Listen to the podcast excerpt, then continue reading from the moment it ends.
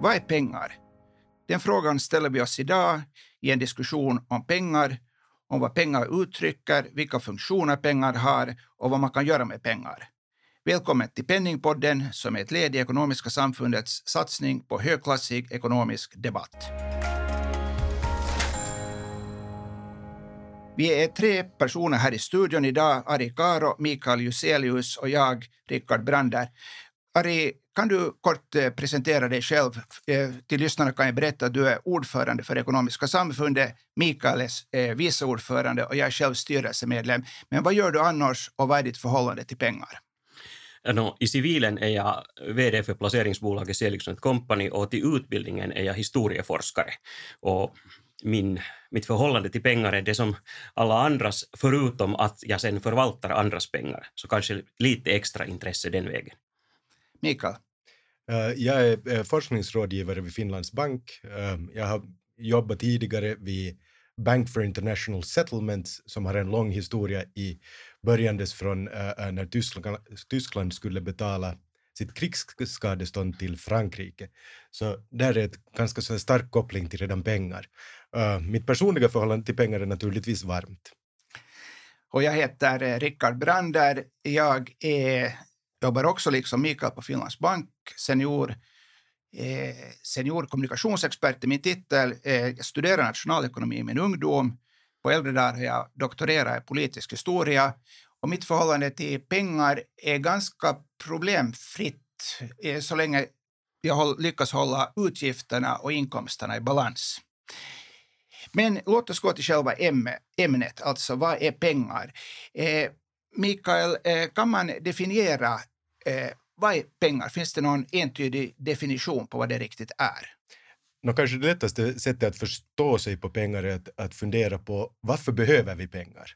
Så om vi börjar därifrån. Så jag tänker en, en jätte, jätte, jätte primitiv ekonomi där alla måste byta direkt med olika varor.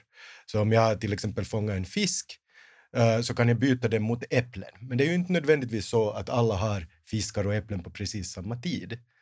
Eh, då blir det hemskt besvärligt för oss att, att göra den här handeln. Det vill säga, uh, jag måste ha en sak just precis då när jag konsumerar den. Och det begränsar ganska mycket vad vi kan producera om, om vi gör det på det här sättet. Plus att vi måste hålla hemskt mycket saker i minne. Vi måste hålla hemskt många olika pris. Uh, nämligen varje vara, två varor, varje par av varor måste ha en växelkurs. Och det blir hemskt mycket att hålla i, hålla i huvudet. Det är helt enkelt opraktiskt. Det är helt enkelt väldigt, väldigt opraktiskt. Och, och vad det leder till är då det att vi producerar hemskt mycket själv. Och när vi producerar hemskt mycket själv så, så gör vi det inte lika effektivt. Man kan glömma sånt som iPhones och, och det där, alla nymodigheter, utan all vår tid går åt att, att göra saker rätt dåligt själv. Vilka andra egenskaper behövs för att eh, pengar ska vara pengar? No, nu har vi ju först talat om vad pengar inte är eller hur världen ser ut utan pengar. Men det, det, det, det som man kan säga att för att pengar ska bli pengar så måste det vara något som vi kan lätt byta och alla accepterar att vi byter det här. Det vill säga att alla är villiga att byta eh, den här saken, vad det nu än må vara, uh, uh, mot riktiga varor, så där som fisk eller äpplen. Um, dessutom så, som, uh, så är det en beräkningsenhet, det vill säga att all, det, vi, vi har bara en växelkurs för varje vara in till den saken som vi vill byta. Det vill säga att vi kan beräkna hur mycket till exempel äpplen är värda i just den här saken. Och sen kan vi räkna hur mycket en fisk är värd i just den saken. Och det gör det lätt. Och, och sen den tredje eh, egenskapen som ett penningsystem måste ha och som är speciellt viktigt om man, om man tänker ur sån här synvinkel är att pengar är värdebevarare. Att om du redan har äh, skapat någonting som andra vill ha och, och, och lyckats sälja det, så då vill gärna ha som betalning någonting som behåller sitt värde. Eh, Ari eh, har skrivit bland annat eh, en eh, artikel som jag med stort intresse har läst där du hänvisar till en amerikansk diplomat som hette Alfred Mitchell Innes som redan för hundra år sedan eh, skrev en artikel eh, som hade rubriken Vad är pengar? Vad, vad gick hans resonemang ut på? No, eh, det var en mera än för hundra år sedan egentligen, men det där Eh, Innes betraktas av många som grundare eh, av den moderna penningsteorin där man har eh, gått från det att, att pengar skulle vara liksom bundna till något visst eh, föremål eller guld eller silver eller någonting sånt här till den nu för tiden allmänt accepterade definitionen att pengar egentligen är skuld. Pengar är skuld, det, det låter lite mystiskt för en eh, lekman. Om jag har sedlar i min plånbok så uppfattar jag det kanske inte riktigt som skuld. Eh, Mikael, eh, håller du med om det här? Absolut, moderna pengar är just precis av den här, den här typen. Om vi tänker lite bakåt i tiden så var det inte så. Men äh, i dagens läge så kan ni tänka, det lättaste ni kan tänka er ett bankkonto. Ett bankkonto är det som vi nästan alltid byter eh, mot andra varor. Vi byter alltså inte papperspengar. De flesta av oss använder ett plastkort och plastkortet, vad det gör för er är det att det byter ert konto äh, till någon annans äh, konto. Det byter liksom en summa från ert konto till en annans konto. Um, och, det, och, vad är då det, de här kontona? Är, vi talar om konton som det är en själv, självklarhet, men det är egentligen en skuld. En skuld som en privatbank har till er. Och skulden är att de när som helst uh, ger er sedlar och mynt för motsvarande summa som står på ert konto. Det är privatbankens skyldighet till er. Men så länge ni inte tar ut det så är det bara en skuld. Och då kan vi glatt byta denna skuld. Det, det som Mikael sa om det här att, att pengar är egentligen skuld från privatbanken till dig uh, som då har ett bankkonto. Så det är också en väldigt central uh, ska vi säga, egenskap av det moderna penningsystemet om man tänker på det att hur pengar blir till i dagens läge, hur pengar skapas. Och det tycker jag är en intressant grej, att man behöver inte producera eller liksom fånga de där fiskarna och producera de där äpplena i dagens läge, utan man kan bara äh, ta på sig en skuld som någon annan litar på att man kommer att betala. Eh, förr i tiden hette det att eh, pengar var bäst eh, tryggat om det var bundet till guld eller silver eller någon annan ädelmetall. Varför har vi inte det systemet fortfarande idag? No, eh, det, orsaken att vi, inte har, att vi inte binder vårt penningvärde till, till något som, någon naturresurs som, som förekommer, som är, som är hållbar, så att värde bevaras, är helt enkelt den att, att om du tänker dig att jag, jag har eh, guld som betalningsmedel och nu plötsligt så hittar någon guld i naturen vad händer då? No, då blir allas pengar mindre värda. Och det är, ju, det är ju naturligtvis inte någonting sånt som vi vill, som vi vill egentligen ha. Det vill säga att alla varors äh, äh, relativa pris till guld fluktuerar då när vi gör stora guldfyndigheter. Så den, den stora innovationen när vi har gått till att använda skuld som pengar, essentiellt, är egentligen det att, ähm, att vi kan kontrollera utbudet på ett sånt sätt att priset hålls någorlunda stabilt över tiden. Det är den, den, riktigt stora innovationen. Om vi tänkte på de här kriterierna, de här tre kriterierna som vi hade för pengar, så Guld fungerar bra som ett betalningsmedel det fungerar bra som en beräkningsenhet, det vill säga det är lätt att byta, vi kan räkna i det, det är inget problem. Men problemet är nummer tre, det som Harry talade om, det vill säga att, att värdebevarande egenskapen på det. Om, om vi som plötsligt hittar ett helt berg av guld så blir värdet hemskt lågt på alla de pengar vi har och det är inte en bra egenskap. Å andra sidan så heter det väl att man ska diversifiera sina, sina tillgångar och då kan det väl vara bra att ha, om man har stora tillgångar, att ha en del i guld för att eh, guldpris eh, lär fluktuera åt andra hållet jämfört med andra tillgångar, eller, eller hur är det där?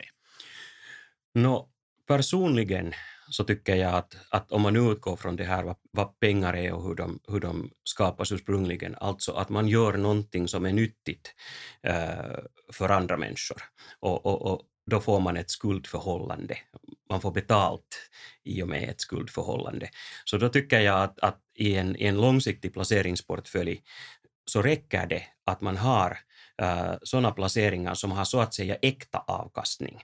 Att man har till exempel andelar i företag eller man äger fast skog som växer eller har en hönsfarm som producerar ägg eller någonting sånt här. Men sen när vi kommer till guld, så, så guld bara är inte, inte, inte producerar det någonting, inte någon äkta avkastning.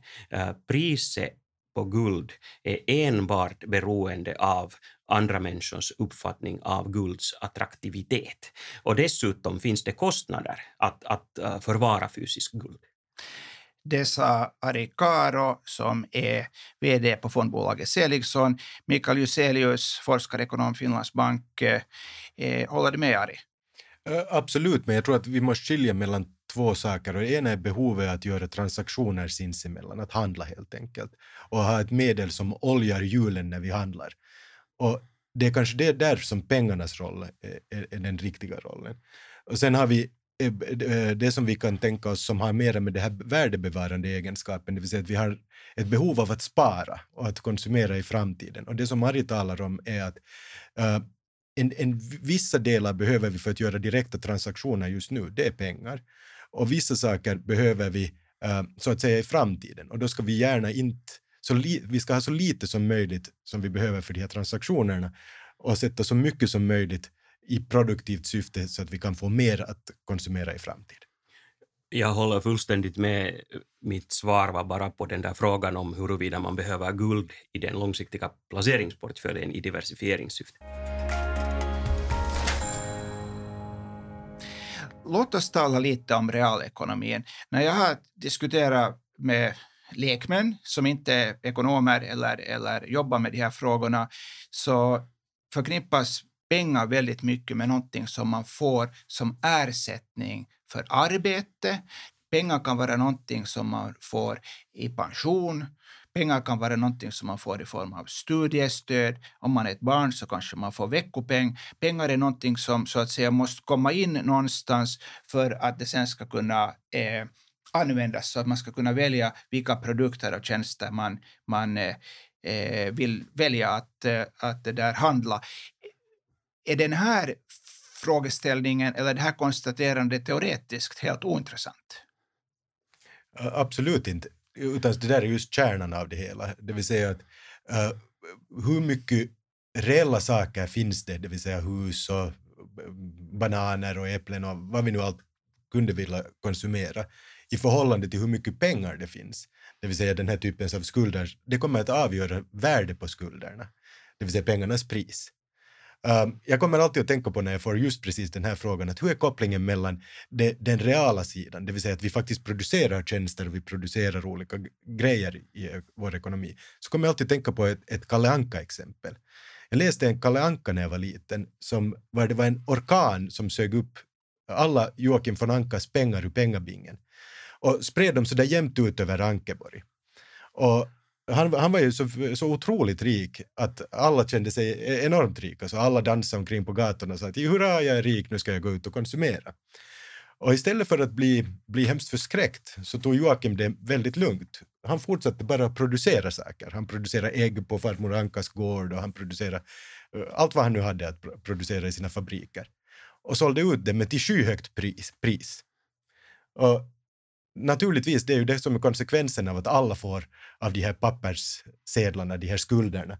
Om, om, om det finns för många i förhållande till vad det, vad det reellt produceras så kommer priset på de här pappersbitarna att sjunka. Du behöver mer, fler sådana för att betala för ett, ett ägg eller ett hus. Och allt kom tillbaka till Joakims pengabinge. Det här är definitionen på inflation? Det här är definitionen på inflation. Ari. Och sen till det här äh, arbete mot pengar så att säga. Eh, så det är ju också kärnan i, i hur mycket av det moderna samhället funkar, att om du är en ung människa och vill till exempel köpa en lägenhet och inte har tillgångar, så den tillgången som du ändå har och an, som andra, det vill säga banken, kan lita på är din arbetsförmåga. Och då kan du få en ganska stor skuld gentemot det att banken litar på att äh, i snitt om man ger liksom en massa lån åt mycket eh, lovande unga människor, så i snitt kommer banken att bli återbetald. Och det blir en bra affär för banken och det blir en bra affär för de här som tar lån. Alltså skapar pengar i det ögonblicket när de tar det här banklånet. Jag tror att det här är ett resonemang som är väldigt svårt att förstå för, för, för, för många lekmän. Hur viktigt är det att förstå pengarnas betydelse i, i det moderna samhället för att vara en, en fullt funktionsduglig medborgare? No, jag tror att vi nästan alla förstår det intuitivt, men kanske inte mer vad, riktigt vad det är som det ger oss, vad är det, det här stora mervärdet som det ger oss. Och, och mervärde är just precis det som vi talade om i början, att det gör handel hemskt enkelt.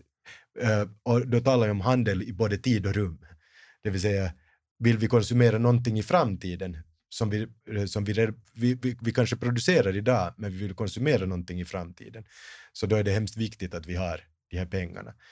På, på, samma sätt om vi vill byta saker och specialisera oss, våga specialisera oss. Det faktum att jag vågar bli en nationalekonom eh, har att göra med pengar. Och utan pengar så skulle jag måste vara en, en jordbrukare, en eh, jägare och fiskare, jag skulle måste kunna bygga ett hus, jag skulle måste kunna göra alla de här sakerna själv.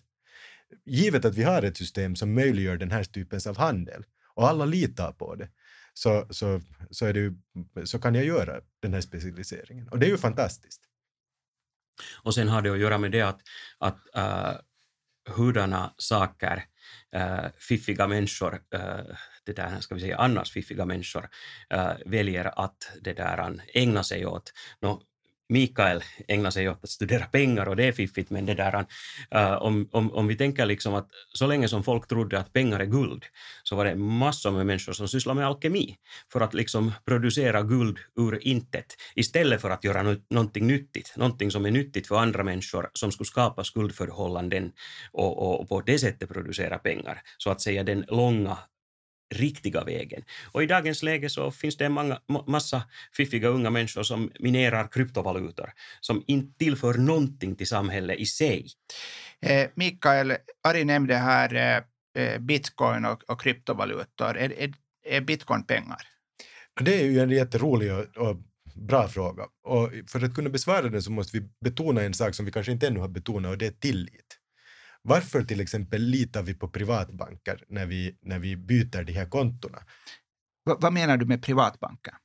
Privatbanker, det vill säga en vanlig bank som du kan gå som till exempel Aktia eller Nordea, vart du kan gå. Inte en centralbank som Finlandsbank. Så tillit är det som, som egentligen är orsaken att vi accepterar till exempel ett konto på Aktia är det att vi tror på att Aktia betalar tillbaka det här i sedlar och mynt. Och orsaken att vi tror på sedlar och mynt är, ja det är mycket svårare. Va? Så varför tror vi på dem? No, vi tror på dem för att, inte nödvändigtvis för att vi själv tror att de har ett stort värde, men vi tror att andra är villiga att byta dem. Och det räcker.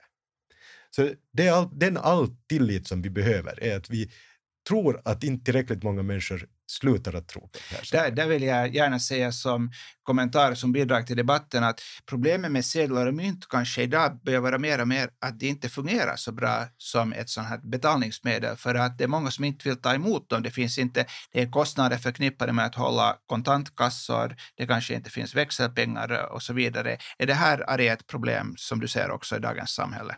Uh, no, på många sätt, men det där, jag skulle gärna vilja fortsätta det som Mikael sa, just att, att det där, äh, i dagens läge så litar vi inte bara på sedlar och mynt, utan vi litar också på sådana här, ska vi säga, elektroniska kontomarkeringar som finns i äh, reglerade privatbankernas system, som sen återfinns så att säga, eller återspeglas i centralbankernas system. Så äh, det som jag sa om kryptovalutor ska, kan inte på något sätt tillämpas till riktiga pengar som också kan vara helt elektroniska och inte har någon fysisk uttrycksform. Sen vad, vad gäller sedlar och mynt så, så det där, om, om du tänker på ett, på ett köpcentrum, så vad, vad händer på ett köpcentrum om man, om man bara har sedlar till exempel? Nå, där finns en, en, en bankfilial och på morgonen så går någon och fyller den här liksom bankautomaten. Och sen börjar kunderna komma in. Sen tar de sedlar från bankautomaten, sen sprider de de där sedlarna i olika affärerna i, i, i köpcentret. Eh, när de köper varor från kaféer och butiker. Sen på kvällen så tar kaféerna och butikerna och överför de där sedlarna tillbaka till bankfilialen och nästa morgon upprepas det här. Och det är ju fullständigt onödigt. Det kan vi ersätta med elektroniska markeringar. Menar du att det är ineffektivt och dyrt? Det är ineffektivt dyrt för att man kan lika gärna bara göra de här kontomarkeringarna i olika system. Så varför skulle man ha sådana här papperslappar som man först samlar i en maskin, sen tar ut, sen sprider runt, sen samlar tillbaka? Det är ingen ljus framtid för sedlar och mynt som du utmålar. Nej, och dessutom finns det en, finns det en det där, den aspekten i dagens samhälle där äh, alla möjliga sådana här, hur ska vi säga, äh, när, när, man, när man bekämpar vissa sorter av kriminalitet så är det väldigt viktigt att hålla koll på att vart pengarna far. Och det där, äh, de här anonyma sedlar äh, är ju någonting som äh, då en viss typ av kriminell verksamhet äh, mår bra av. Att, att de går ju inte liksom tracka så att säga. Du vet inte hur de byter ägare och så här. Men är det här inte någonting som är fullt legitimt också för en vanlig konsument, för en vanlig medborgare att, eh, att få använda pengar anonymt, att, eh, att inte bli spårad? A absolut, men eh, när det gäller större mängder av, av pengar, så då ligger det i dagens läge kanske i samhällets intresse när man bekämpar till exempel eh, finansiering av terrorism eller, eller skattefusk eller någonting sånt här. Så då, då är det bra att, att stora penningsmängder går att spåra. När jag talade med en, en lekman inför det här, med lekman menar jag alltså en icke-ekonom, eh, inför den här podden så, så sa hon att eh, pengar för henne är någonting som fanns förr i tiden fanns det olika valutor i olika länder och när man reste så skulle man växla pengar och de såg olika ut och det var intressant och så här. Eh, nu har vi övergått till euron i, i, i Europa i, i, 19 länder och det används på många andra håll, annat håll också. Eh, men de här sedlarna och mynten de, de verkar liksom ändå bli, bli mindre och mindre, utan nu kan vi betala med bankkort, debit, kredit runt om i Europa i många olika länder. Så, så är den här trenden något som kommer att ytterligare förstärkas eller, eller hur ser du Mikael Juselius på saken? Jag tror inte att vi kan göra oss av med sedlar och mynt förrän vi skulle ändra systemet så att privatpersoner kan ha ett konto på centralbanken. Och orsaken är den, och det, vi kommer tillbaka igen till den här riktigt grundläggande frågan om tillit, varifrån den här tilliten kommer. Varför litar vi på privatbankernas konton? Egentligen den, den essentiella frågan. Och vi litar på att vi alltså kan växla det här mot sedlar och mynt, vilket är centralbanksskulder. Äh, mm. Det är det som vi i slutändan äh, litar på. Varför vi gör det faktiskt i Finland är det att det finns en insättningsgaranti på äh, 100 000 euro i, i, enligt lagen i Finland. Det vill säga att om äh, Aktia av någon orsak eller någon annan bank eh, går, eh, går i konkurs.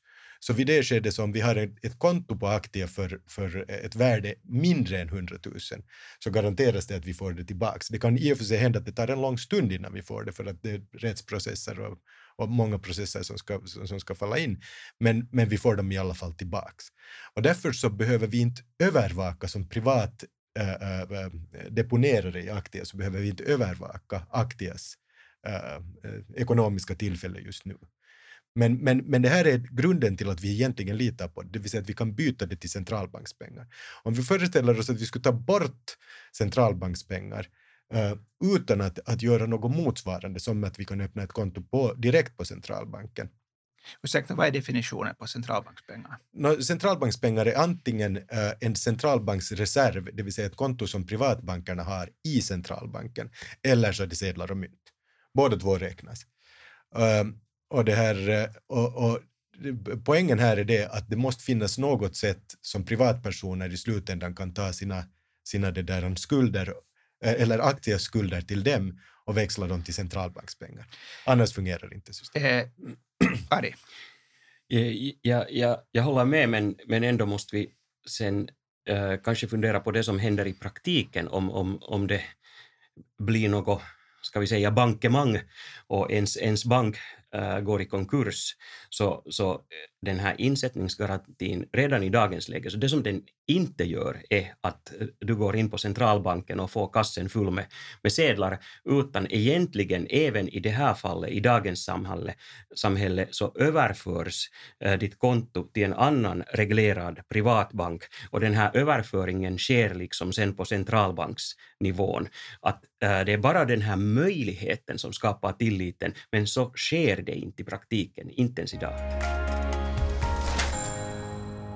Vad är pengar har varit dagens tema.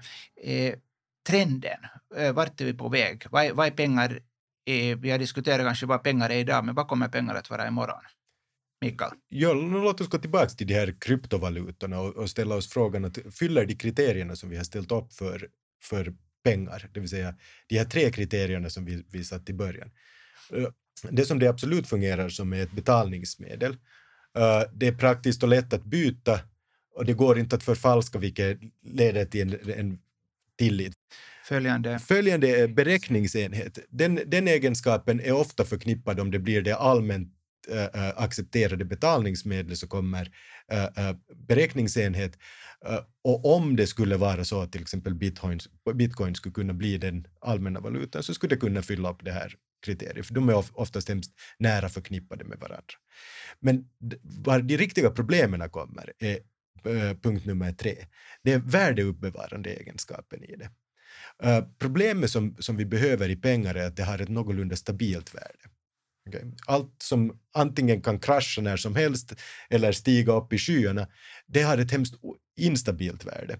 Och det kan man se som en riskinvestering, ibland som en bubbla eller vad som helst. Men, men det har inte den här trevliga egenskapen att vi gärna gör transaktioner med det. För det krävs ett stabilt värde. Och om vi tänker till exempel då i fallet bitcoin, så är det nästan omöjligt att bitcoin kunde ha ett stabilt värde. Varför är det omöjligt? No, därför att det finns en begräns begränsat antal bitcoin per konstruktion.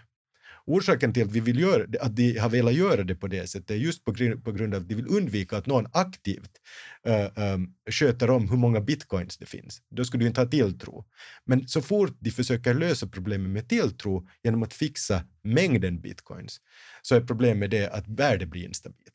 Om bitcoin skulle bli den äh, allmänna betalningsmedlet så skulle vi få extremt mycket, i slutändan nästan oändlig deflation.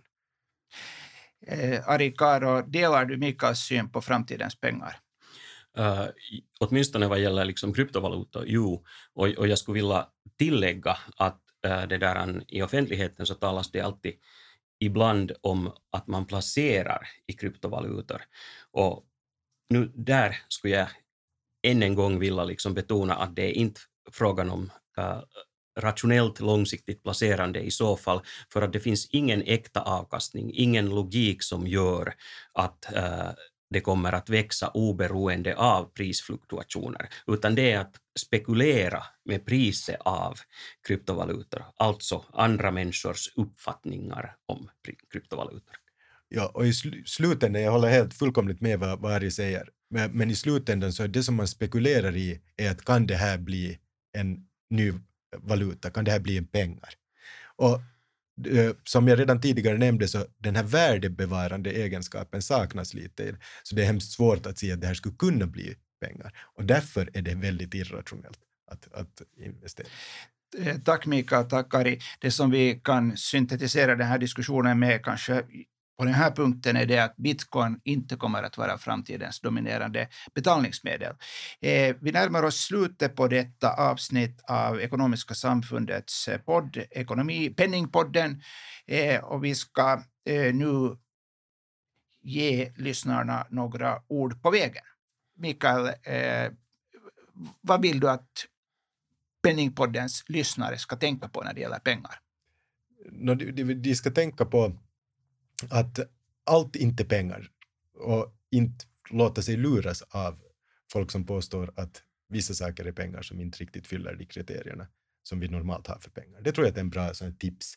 Och över, överlag så behöver inte vanliga konsumenter fungera, fundera så hiskeligt mycket vad pengar egentligen är, men, men det här kan vara bra att hålla i, i baktankarna, speciellt i dagens läge. Ari? Och jag skulle säga att äh, det är bra att förstå att pengar är skuldförhållanden, så då förstår man också att vill man ha pengar så kan man antingen göra någonting som andra människor äh, har nytta av, äh, vilket skapar skuldförhållanden, eller äh, vara en sån person som andra tror på att kan återbetala skulden. Och samma gäller sen placerande. Om du placerar i någonting som producerar något som samhället, alltså andra människor, behöver, så kommer du i det långa loppet att få en äkta avkastning. Det sa Ari Karo, eh, VD på Selexons fondbolag, ordförande för Ekonomiska samfundet. Tack Ari och tack Mikael Juselius, eh, forskarekonom på Finlands bank. Jag heter Rickard Brander. Ni har lyssnat på Ekonomiska samfundets podd Penningpodden. Tack och hej!